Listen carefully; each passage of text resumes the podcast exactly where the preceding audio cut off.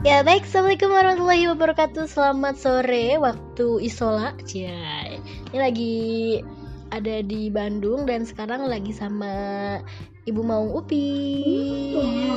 Uh, Ya ini sama sama Cici. Cici ini adalah hmm, Pernah menjadi Menteri Advokasi dan Kesejahteraan Mahasiswa pada masanya. Ya nggak Ci? C. Iya betul sekali. Oke. Mohon maaf ya. Iya. Jadi uh, sekarang aku mau ngobrol ke Cici, mau ngobrol ke Cici, mau ngobrol-ngobrol terkait bagaimana luka liku ya, lika liku. Luka. Luka, luka oh ya. Apa sih Ci? Ini di post lo Ci. Gak apa-apa kita nggak udah pada tahu ya kalau kita mah ya begitu lah ya. Uh, kita hari ini mau ngobrol tentang lika-liku peradvokasian di kampus khususnya di UPI gitu. Hmm, sebelum ke sana aku mau tahu dulu uh, seben sebelum ke BEM, Cici pernah diadvokasi juga atau gimana? Maksudnya apakah di bagian advokasi itu hanya pas di BEM doang atau bagaimana sih perjalanan Cici sampai bisa jadi men advokasi jadi pernah waktu 2015 berarti ya? Iya 2015 aku jadi staff juga staff advokasi di himpunan di jurusan. Iya yeah, Jadi aku waktu itu sempet ikutan itu jam jaringan advokasi mahasiswa yang dibikin dari BEM Rema juga Mm-mm, jadi ya sedikit-sedikitnya tahu mungkin lah. Iya. Jadi dulu waktu pas zaman advokasinya itu, dirijen advokasinya itu adalah Teetom. Teetom itu adalah kakak tingkat aku di IPS, kahim aku. Jadi aku sangat tertarik ke advokasi itu karena beliau juga salah satunya gitu. oh, terus setelah setelah jadi advokasi jurusan ngapain? Ngapain ya? Silat enggak. Habis dari advokasi jurusan aku ngapain ya? Nganggur. Enggak, Deng. Aku di himpunan juga. jadi nih guys jadi Cici itu berawal dari advokasi himpunan kemudian jadi ketua ya ketua himpunan terus di BEM jadi apa? Jadi dirjen asrat. Ah asrat. Asrat yang setengah tahun. Ya karena ya begitulah ada uh, satu dan lain hal. akhirnya jadi uh, cuman enam bulan. Terus uh, itu periode BEM yang pertama ya. BEM laju reaksi UPI Terus di periode BEM kedua, Pena Bakti sisi jadi advokesma e, megang menteri advokesma. Oke, ngomong-ngomong soal advokasi dan kesejahteraan mahasiswa. Aku pengen Cici ngegambarin dulu deh menurut Cici gambaran kesejahteraan mahasiswa UPI itu kayak gimana? Masih jauh masih jauh enggak sih. Kalau misalkan dilihat dari kesejahteraan sendiri kan sebenarnya enggak enggak melulu soal apa ya keuangan gitu ya. Enggak melulu soal finansial gitu. Jadi dari fasilitas pendidikan itu sendiri dari akademik itu sendiri gitu ya. Kalau dilihat sih sebenarnya UPI itu kalau dibandingkan dengan kampus-kampus negeri yang lain masih kurang ya. Masih kurang. Kayak pernah nggak sih kalian e, ngerasa dalam satu hari gitu ya kuliah tuh ngerasa nggak belajar apa, apa atau nggak dosennya ngomonginnya ke mana aja. Atau enggak fasilitasnya ngerasa uh, masih belum memenuhi apa yang kalian pengen gitu. Kayak misalkan apa ya di kelas tiba-tiba kagak ada fokus gitu gitulah sebenarnya kalau gambaran kesejahteraannya mah masih jauh. Kalau nggak jauh sih maksudnya kurang lah ya dibandingkan dengan fasilitas-fasilitas kampus negeri lainnya mah. Apalagi soal finansial. Apalagi soal iya jadi sebenarnya kalau misalkan dibandingin dari uh, apa ya UKT UKT mahasiswa negeri lain gitu ya UPI itu termasuk yang kecil loh sebenarnya golongannya gitu. Sebenarnya golongannya itu lebih kecil. Kalau di ITB itu dari golongan satu ke golongan yang lain itu bedanya bisa sampai 5 juta. Bisa sampai 10 juta gitu Nah di kita itu masih bedanya kecil, misal satu juta, ada yang 500 ribu bahkan gitu ya perbedaannya tuh. Tapi ternyata masih banyak mahasiswa yang merasa tidak sesuai representasi uh, eh, UKT mereka itu gitu.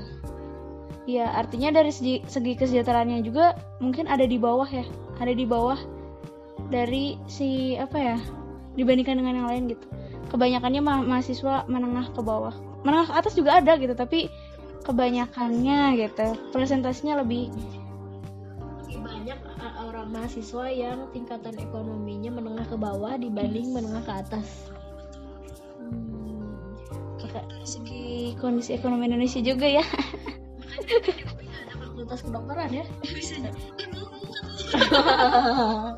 Kan udah dijadiin tempat parkir fakultas kedokteran oh jangan-jangan menjadi parkiran. Sedih amat bu Haji oh gitu. Oke. Okay. berarti dengan kondisi mahasiswa UPI yang lebih banyak eh, apa sih tingkatan kesejahteraan menengah ke bawah sangat-sangat penting untuk eh, apa ya namanya si Kementerian Advokasi ini ya betul ya? Harus didampingi banget. Biasanya eh, permasalahannya terkait apa sih? Yang paling sering yang paling banyak ya, ya pasti lah ya KT paling banyak banget dan kayak jadi selalu kayak selalu jadi PR setiap semester. Pasti kalau waktu pembayaran UKT teh uh kita paling sibuk sedunia. Ya itu kayak misalkan waktu pembayaran UKT tapi mereka belum bisa belum bisa bayar atau enggak baru ada setengah atau enggak kayak apa ya ingin ikutan penangguhan misalkan ya. Jadi di UPI itu ada fasilitas penangguhan juga. Dijadikan dua kali cicilan. Cuman karena lewat ya, apa jadwalnya gitu ya mereka dapat konfirmasi dari orang tuanya baru mendekati akhir-akhir akhirnya pada nggak ikutan fasilitas itu. Nah intinya kayak minta diadvokasi supaya dapat keringanan. Dan banyak juga sebenarnya yang minta diadvokasi untuk minta keringanan adanya apa e, nominal pengurangan nominal UKT itu sendiri. Karena di UPI sendiri belum ada fasilitas verifikasi ulang UKT jadi kalau misalkan di awal masuk itu dapat UKT-nya berapa ya? 5 juta misalkan ya. Nah sampai akhir semester 5 juta. Kalaupun misalkan orang tuanya ada yang meninggal orang tuanya ada di PHK dan lain sebagainya gitu ya UKT-nya bakalan tetap segitu gitu. Jadi kadang ada beberapa orang tua juga yang menyayangkan tidak adanya fasilitas verifikasi ulang itu karena kondisi keluarga itu berubah gitu. Padahal di sisi lain prinsip dari UKT itu sendiri adalah menyesuaikan dengan kemampuan orang tua kan ya?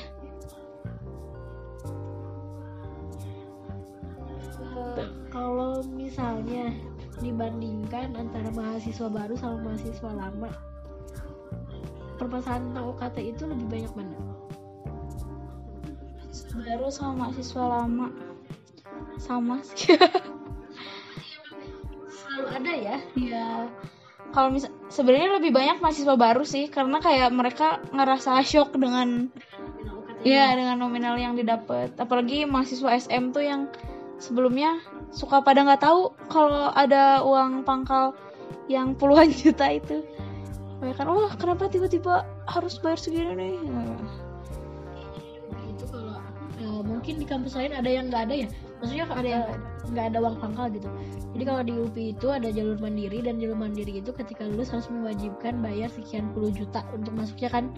Baru nanti bayar UKT per semesternya beda lagi itu jadi beruntunglah bagi orang-orang yang lulus SNM dan SBM karena tidak harus membayar uang pangkal yang nominalnya bisa nyampe 30 juta ya.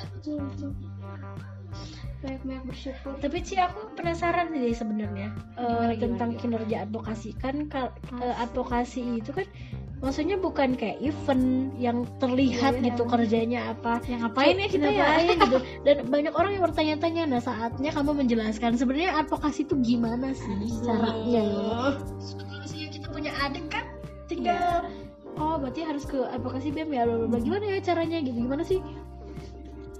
Sebenarnya kalau tugas dari advokasi sendiri mah ketemu sih tugasnya. Ketemu dan ngajak ngobrol sebenarnya. Hey gitu sebenarnya jadi yang pertama sebenarnya kita ini ya eh, melayani mahasiswa atau orang tua yang memang membutuhkan bantuan. Pertama informasi ya.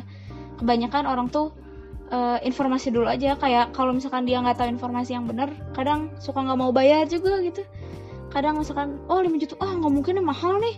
Wah ini kayaknya bohong nih. Nah nah nah, nah, nah, kayak gitu gitu kita menyampaikan dulu informasi yang sebenarnya itu iya pak jadi benar informasi ini teh gitu yang kedua adalah eh, tentunya kita datang ke birokrat gitu udah sih sebenarnya kerjaan advokasi itu eh, mudah gitu ya asalkan kita punya keberanian itu doang susah dong Iya, susah ya, sebenarnya. susah ya. Susah kan nggak sebenarnya. orang punya keberanian Iya dan sebenarnya yang paling susah itu adalah menjaga baper-baper dalam hati. Iya dong, jadi kayak yang datang ke kita itu ya bukan hanya orang yang biasa ngomong teh saya minta bantuan. Banyak yang ngomong sambil nangis-nangis. Sambil ibu ibu-ibunya nangis gitu ya. bantuan anak saya teh satu-satunya kita mah orang nggak punya makan aja sehari gitu-gitu ya Iya, kayak gitu-gitu. Kayak aduh, udahlah kita juga jadi bingung ya harus gimana. Terus yang marah-marah juga banyak. Jadi jadi waktu itu pernah tuh ada yang nelpon ke aku ya. Aku lagi di sekolah juga tuh lagi PPL waktu itu. Jadi dia terus aja nelponin. Ini neng, ini anak saya gimana nih? Saya nanti nggak bisa kuliahin anak saya teh. Ini sebenarnya niat ngebantu nggak sih kayak gitu? Eh, intinya kayak marah-marah gitu ya.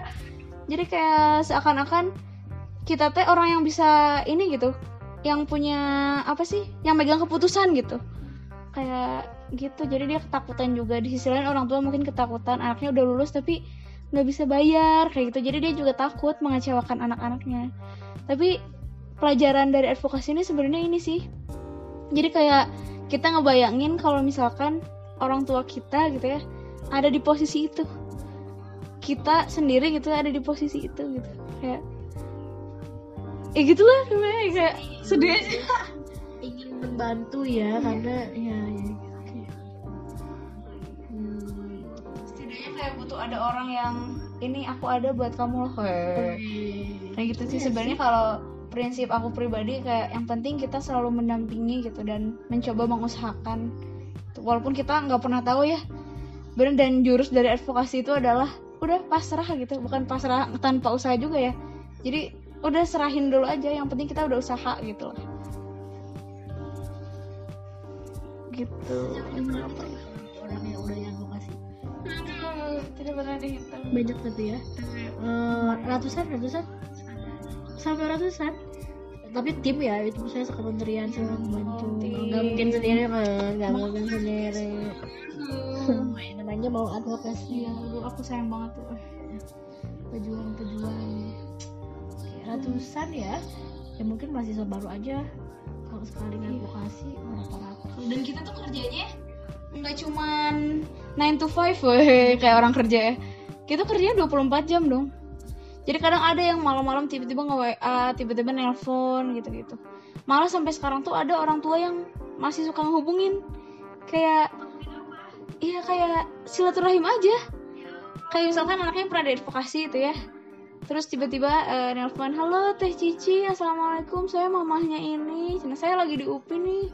Saya pengen Cici, padahal saya kayak apa gitu kayak idol. harusnya menerima maksudnya bantuan kita terterima dengan baik gitu loh Teh Cici, Teh Cici sudah bantuin anak saya. Aduh ya ampun. Ya udah ketemuan aja akhirnya gitu. Ya udah ngobrol-ngobrol dong. Tapi seneng gitu jadi kayak ah, seneng aja kayak apa ya berarti kita bisa bisa menjadi bagian dari perjuangan mereka. Oke. Keberhasilan yang pernah tim teh cici oh, teh cici. Berhasil apa sih? Nggak deh jangan dulu ke sana deh. Hal yang paling sedih adalah ketika apa? Sedih. Oh aku yang paling sedih itu waktu pas pernah kita waktu itu difitnah. Difitnah? Ya jadi em, aku sensor aja ya namanya. Jadi dulu tuh pernah ada satu mahasiswa. Nah mahasiswa ini tuh adalah mahasiswa yang eh apa sih? Dia tuh pengen lanjut kuliah. Jadi semester sebelumnya tuh dia nggak nggak masuk kuliah. Setengah semester gara-gara dia sakit. Nah akhirnya orang tuanya tuh nggak menyiapkan UKT buat semester depannya karena dia pengen karena orang tuanya itu mengira bahwa si anak itu kan nggak akan dulu kuliah gitu nah tapi di akhir-akhir semester itu tiba-tiba anaknya e, minta kuliah gitu dan emang pengen kuliah dan dia ngerasa udah sehat gitu. Nah cuman kondisinya si orang tua itu tidak menyiapkan uang untuk membayar UKT jadi intinya kayak minta penangguhan dulu lah kayak gitu. Minta penangguhan butuh waktu untuk e, membayar UKT semester itu. Terus akhirnya ya udah aja e, aku bawa si anak itu ke ke mana sih waktu itu? Ke Dirmawa dulu gitu ya kalau nggak salah ya ke Dirmawa eh ke WD 3 dulu sebelumnya atau ke WD 3 dulu. Wakil dekan 3 di salah satu fakultas. Terus di WD 3 itu malah dimarahin si anak itu teh malah dimarahin terus uh, intinya kayak ya udah kamu kenapa tuh nggak bayar UKT nana nana kayak gitu lah ya. Terus udah aja hari itu ya. Ya udah uh, besok kita coba lagi ke ini ke Dirmawa gitu ya. Ke bagian kemahasiswaan. Akhirnya kita bawa tuh ke Dirmawa eh ternyata pas ke Dirmawa dia dimarahin juga. Malah sama. Wah sudah ada pemirsa. Ini ada aku. Oke lanjut. Atau kita sholat dulu? Atau dikit lagi? Ya dikit lagi lah ya okay. terus? Baik terus habis itu uh, di Dirmawa ternyata dia dimarahin juga dimarahin juga gara-gara dia gak bayar UKT iya gara-gara dia gak bayar UKT dan minta keringanan gitu. Hmm, dia kayak ya udah tuh kalau nggak mau kuliah mah ya udah kayak gitu. Hmm. kayak pelin pelan dan uh, si Dirmawa itu malah jatuhnya nggak percaya sama si anak itu. Kayak dikiranya anak itu teh mau main-main gitu loh. Kuliah teh gitu terus teh uh, kita sempat nanya juga ke salah satu ini ya ke salah satu petugas gitu kayak ini kalau misalkan ada kasus kayak gini nih gimana gitu tah ya harusnya kalau misalkan dia ngerasa sehat ya udah kuliah aja lanjutin gitu. Tapi kondisinya dia tuh nggak bisa bayar gitu ya. Ya harus dibayar. Jadi kayak emang birokrat juga kayak nggak punya solusi buat itu gitu. Ya dia pengen kuliah tapi nggak bisa bayar gitu. Ya udahlah akhirnya kayak gitu. Nah terus habis itu saya coba nge WA juga wakil rektor kalau nggak salah waktu itu tuh. Nge WA wakil rektor jawabannya malah sama juga. Dimarahin? Dimarahin juga ya mungkin. Karena pas mau datang tuh nggak kayak gitu nah terus akhirnya nge WA rektor. Hmm. akhirnya nge WA rektor diceritain aja semuanya kayak udah datang ke Dirmawa gimana jawabannya kalau ada tiga jawaban gimana ke wakil rektor gimana jawabannya. Terus akhirnya tiba-tiba rektor itu minta uh, kontak orang tuanya. Cina katanya bilang e, ya udah nanti akan saya proses gitu ya. Saya bilang ke apa sih ke petugas yang ngurusin itu ya. Ke petugas yang ngurusin itu coba saya minta kontak orang tuanya katanya untuk dihubungi. Terus akhirnya saya kasih kontak orang tuanya. Nah tiba-tiba uh, si petugas itu teh nelpon.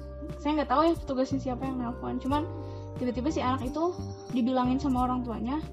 Katanya uh, si anak itu teh lagi ditipu sama orang-orang sama mahasiswa sama anak BEM jadi harusnya si anak itu wah kamu uh, udah ditipu nih sama orang. Udah apa sih intinya kayak orang-orang itu cuman mau ngejelek-jelekin UPI doang. Ngerti gak sih? Jadi si orang tua itu ditelepon disuruh datang ke kampus. Suruh datang ke kampus buat dikasih keringanan. Tapi si yang petugas itu bilang katanya sebelumnya tuh yang ngajakin si anak itu kan aku tuh nyeritain tuh nyeritain tuh ke rektor ya maksudnya e, diajak ke sini. Nah kan bilangnya si anak itu teh diajakin sama orang kan? Nah bilangnya teh orang yang ngajakin si anak itu teh adalah orang yang mau nipu karena mau ngejelek-jelekin UPI doang. Ngerti gak? Nah kan ini kan? Ngejelek-jelekin UPI sebelah mana? Nah ngejelek-jelekinnya tuh mungkin dimaksud karena si pejabat yang tadi kita sebut kayak wakil rektor nana nana nana Dirmawa WD3 itu ngasih jawaban yang kayak gitu. nah, kayak jadi mereka nyangka kalau kita itu adalah orang yang mau jelek-jelekin UPI. Padahal si anak terus anak itu bilang aja ke orang tuanya enggak kok aku enggak enggak sama sekali. Apa? Dia nggak sama sekali ngejelek-jelekin UPI orang dia ngebantu aku nganter-nganterin aku ke mana-mana gitu kan. Terus anak itu bilang kayak gitu. Udah sekarang mah uh, pokoknya jangan percaya sama mahasiswa lain dibilang kayak gitu sama si petugas itu. Nggak tahu siapa ya petugasnya. Pokoknya jangan mau diajakin sama siapa-siapa. Kalau misalkan ada apa-apa udah datang ke sini aja. Lah orang si anaknya udah pernah datang ke situ tapi malah dimarahin kan? Kayak makanya. aneh kayak Kesel. jadi intinya kayak kayak sebenarnya advokasi itu masih dipandang sebelah mata sama birokrat. Karena menganggap cuma mau ngejelek-jelekin birokrat doang. Nah udah dari situ akhirnya marahin mereka mereka sendiri? ya ngapain? Jadi kayak tuh seakan mau kerja karena dimarahin sama rektor. Masa kita harus ngadvokasi ke rektor semua ya? Ya apa lah mudah-mudahan kan- kan nawarin siapa waktu Ah, itu iya. nggak tahu kan ini Iya. dari tiganya siapa fakultas apa nggak ada yang tahu kan oke yang penting ya begitulah pokoknya. Oke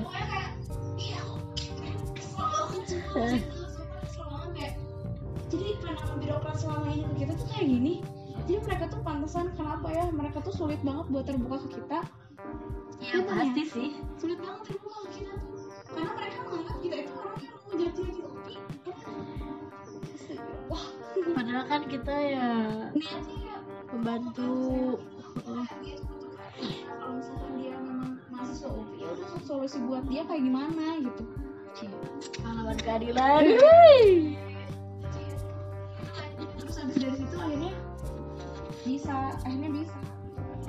Dikasih penangguhan udah kayak gitu dong tapi kenapa kemarin-kemarin nggak bisa gitu? Masa setiap advokasi kita harus datengin rektor? Ya emang tugas rektor gitu doang. Itu intinya kayak ini itu harus ke rektor gitu ya? Terus yang yang jadi permasalahan di UPI sendiri itu adalah birokrasi itu sendiri gitu ya. Jadi birokrasi UPI itu emang kayak masih kacau sih menurut aku. Kacau banget. Asli. Kayak pernah tuh aku waktu itu nyobain ya. Jadi eh ini mohon maaf ya. Ini kalau Iya mohon maaf. Maksudnya ya Tapi- kita doakan Kita doakan lebih supaya baik. Lebih Cuma waktu itu pernah nyobain ya. Eh apa sih? SPP SPP di kontrak kuliah itu belum berubah nih ya tapi padahal udah bayar UKT permasalahannya itu nih ya. Jadi kan nggak bisa kontrak kalau di sananya belum SPP nah terus teh udah aja datang ke TIK kita. Aduh sebutin lagi TIK datang ke TIK terus dari TIK enggak ini mah ke bagian keuangan. Cina terus kita teh bagian keuangan datang ya. Sebagian keuangan. membawa bukti bayar. Oke. Bayarnya ini udah bayar nih tapi kenapa ini masih kayak gini?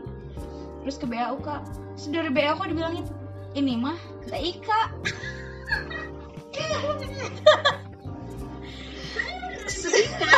gitu dong pasti dong otomatis. Terus dong. Terus dong. Nah gitu TIK ya pak. Beneran TIK ya udah aja itu udah selesai ya terus aku akhirnya nge WA aja. Birokrat favorit aku. Eh jadi ada sebenarnya birokrat yang udah CS banget dia bukan orang dia bukan pe- petinggi tapi dia ngerti kayaknya birokrasi yang ada di UPI itu kayak gimana. Dan dia bisa ngakses semuanya menurut aku sih. Mantap kayak eh bapak apa ibu adalah bapak mantap. Bapak mantap pokoknya. Nanti mau nge-WA si bapak itu pak ini ada yang gini gini gini. Ceret udah aja eh, tanya maksudnya ceret kirim gitu cici ya Allah mau benjol oke. Oke tiba-tiba eh, dia ini aja apa sih coba eh, nim sama namanya siapa? Terus tiba-tiba dia ngirimin coba cek sekarang. Cereng oh, udah berubah dong. Jadi emang itu sakti. emang orang paling canggih ini bapak sakti. Terus mau ada apa-apa juga ya. Udahlah tanya ke dia aja pokoknya apa tanya cuman eh, kondisinya dia kan bukan pejabat tinggi gitu ya di UPI terus staff biasa cuman dia orang yang paling ngerti gitu jadi kalau misalkan mengambil keputusan yang tinggi emang dia nggak bisa. Tapi kalau misalkan ada hal-hal yang teknis. teknis dia ngerti lah semuanya. Lah jadi itu adalah dukanya pernah difitnah pernah disepelekan gitu ya sebagai advokasi. Tapi sukanya? Sukanya apa ya? Oh kebanggaan banyak banget tersendiri banget. kepuasan sendiri apa gitu? Senang sih senang ketika misalkan jadi kalau kita kan eh, ini ya prinsipnya teh pasrah gitu ya pasrah cuman suka tiba-tiba aja kayak karena di UPI itu lama mungkin ya kalau misalkan kita ngajuin sesuatu tuh biasanya eh, balasannya tuh lama jadi suka tiba-tiba ntar kan tengah-tengah semester tengah-tengah semester ada yang WA Tete, alhamdulillah aku udah dapat beasiswa kayak gitu. Oh itu seneng banget kayak menggemparkan segrup mau upi gitu. Tiba-tiba dan itu biasanya kalau misalkan ada keputusan beasiswa gitu cerek cerek lagi. Jadi kalau ada keputusan beasiswa gitu kan biasanya barengan ya. Jadi kayak misalkan kita ngajuin 10 orang nih lah. Kalau misalkan ada yang ngadu ke kita 10 orang ya udah kita satuin aja. Kita ajuin beasiswa misalkan. Terus kan nanti dapatnya barengan. Terus tiba-tiba pada nge WA gitu. Karena ketemunya itu nggak cuman ke satu orang kan nggak cuman ke aku tapi ada ke staff-staff juga. Biasanya pada nge WA juga ke staff tuh kayak Tete alhamdulillah aku dapat beasiswa. Akang alhamdulillah aku dapat beasiswa. Makasih ya teman-teman advokesma kayak gitu-gitu. Eh, itu kayak kebanggaan tersendiri. Kayak misalkan orang tua juga orang tua tiba-tiba ngehubungin kan ya? Orang tua mahasiswa maksudnya tiba-tiba ngehubungin neng makasih ya bantuannya. Padahal kita ngerasa nggak ngelakuin apa-apa ya emang itu mah udah tugas kita eh, tapi emang udah rezekinya mungkin ya. Kayak itu mah kesenangan tersendiri aja dan kayak jadi lebih banyak bersyukur aja sih dengan kondisi sekarang gitu.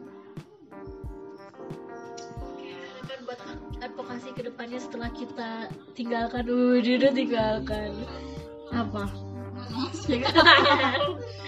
Kangen ketika keberhasilan orang diraih tapi ketika kita kerja keras dan dibanting-banting sana sini kayak Hah, gitu ya Cia semoga itu tidak pernah terjadi lagi ke adik-adik ya. Eh, harapannya semoga eh, mau Upi bisa lebih meraung. Apaan sih eh nggak tahu deh sekarang masih mau sehingga anak-anak advokasi lebih punya karir sehingga nggak disepelein dong. Iya jadi kayak harus ada harus bisa disegani lah. Intinya kayak pas zaman kita ada sih yang disegani Ojan pokoknya luar biasa guys. pokoknya Ojan, pokoknya, pas zaman kita yang ya ditakut itu ya Ojan ya rek rektor makin rektor pokoknya Ojan tuh luar biasa mantap. Anggota DPR juga takut sama Ojan dan dan kelebihan Ojan tuh adalah relasinya banyak. Jadi waktu pas zaman kita kita dapat banyak beasiswa tuh ya dari dia gitu beasiswa mana tuh buat anak-anak UPI kayak gitu gitu akhirnya kan kalau ada orang yang ngadu kita bisa jangan ada beasiswa nggak? Ada nih kayak gitu gitu kayak seneng aja. Mantap. Ojan emang. Mantap. Tuh kita punya Ojan. Kalian punya siapa? Hei Ojan di sini kamu dipuji. Oke jadi harapannya di depan kamu dipuji. Ya gitulah kita mah gitu dah. Tinggal tunggu aja traktiran gitu. Terus harapannya ya tadi ya kayak harus lebih berani sih harus lebih berani. Makanya aku menganalogikan kayak Maung tuh adalah dia itu bakalan berani gitu ya melawan siapa pun. Kan Maung tuh pemberani. Berani ngelawan siapa pun gitu ya berani menghadapi yang apa pun. aku ngeliat ada Maung yang takut sama garaga. Oh. Itu Maung mana lagi? Si Echan. Berarti ganti-ganti jadi gara-gara Sunda Empire. Garaga Upi melawan Sunda Empire. Ih, salah. Ah, mantap. Iya ini tidak beres ini apa ya tadi ya? Harapan. Oh iya terus harapannya bisa apa ya? Bisa temenan sih kalau menurut aku sama birokrat. Bukan hanya kita ini ya maksudnya ketika kita ada eh, apa sih kepentingan kita datang do- kita datang doang pas ada kepentingan doang. Gimana sih ini ngomong kita datang pas ada kepentingan doang harusnya jangan kayak gitu. Jadi kita harus punya ini juga sih kayak jalin silaturahim juga sih. Jadi supaya mereka juga mungkin bisa lebih menerima kita gitu. Nggak seuzon sama kita terus gitu gitu terus apa lagi ya? Udah sih semoga eh, adik-adik bisa lebih baik lagi dari kita. Dan semoga masalah UPI terus berkurang sampai nggak ada sampai nggak perlu lagi ada advokasi lah. Nanti kalau udah nggak nggak perlu advokasi ya berarti udah sejahtera ya semuanya. Ya tidak apa. Iya kayak zaman siapa?